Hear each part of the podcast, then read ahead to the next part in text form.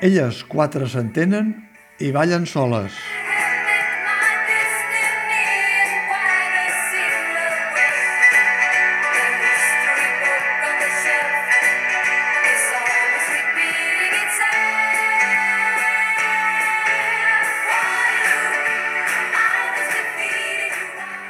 Una no gens amiga dels felins. A una altra se li ha escapat la mà amb el seu marit i l'ha enviat a l'altre barri. Una altra viu en un estat de depressió com si hagués estat confinada durant un segle. Una altra ho veu lúcidament tot negre. I malgrat tot, les quatre nobles dames que ratllen la setantena i que protagonitzen l'obra més recent de Carol Churchill són capaces d'espantar els mals que les assetgen ballant i cantant en un estat febril de retorn a l'estadi juvenil. Aquí Magda Puyo, la directora del muntatge, ha donat màniga ampla i ha deixat triar les actrius les peces musicals que més els abocaven aquesta època passada.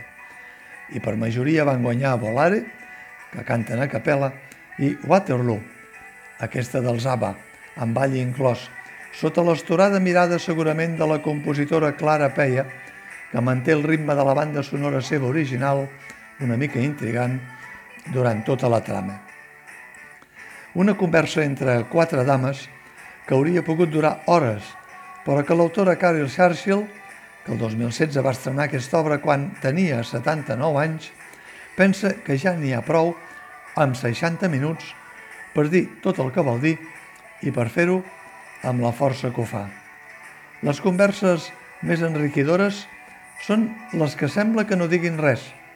Aquelles converses amb frases trencades, superposades una damunt l'altra, mentre es pren el te de rigor o simplement es pren la fresca, perquè a la fresca d'un jardí també es poden cridar sometent els genets de l'apocalipsi, i els genets de l'apocalipsi arriben quan el món se'n va norris, i si hi hagués bitllet d'anada sense tornada, potser seria millor emigrar a Mart.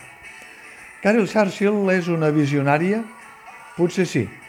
Si bé les profecies sobre plagues, desastres ecològics i catàstrofes han amenaçat sempre el món, que es parli d'un virus pandèmic i que es parli de mascaretes quan la platea continua separada i emmascarada, o que es faci al·lusió a l'extrema dreta i a la reviscolada del feixisme o que es parli de la violència de gènere té un cert aire de mirada visionària. Tota la companyia ha abocat el seu savoir-faire perquè una obra que es podria considerar de sala petita i espai més íntim agafi un deix intens en una sala gran. L'espai escènic gairebé despullat, però hi ha jardí, i hi ha cadires, el vestuari auster, però hi ha elegància, la il·luminació suau, però hi ha efectisme. Tres de les protagonistes ja fa estona que la fan petar al jardí quan apareix la quarta, l'alter ego segurament de l'autora.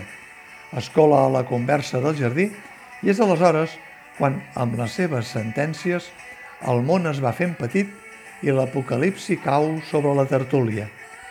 La conversa, més que estructurada en clau de diàleg, es desenvolupa en clau de monòleg compartit i els mals de tot el món són exposats a vegades amb frases mig surrealistes que juguen més amb allò que no diuen que amb allò que potser voldrien dir. Si la humanitat s'ha d'acabar, que almenys s'acabi amb gràcia, un polsim d'ironia i una mica d'humor, si pot ser. Uns trets que la direcció escènica de Magda Puyo ha accentuat encertadament tenint en compte que comptava amb quatre diamants en brut, Montsol Canyís, Luz del Barba, Ima Colomé, Vicky Penya, que, malgrat la seva extensa i reconeguda trajectòria, encara guarden molt de cristall per continuar fent brillar.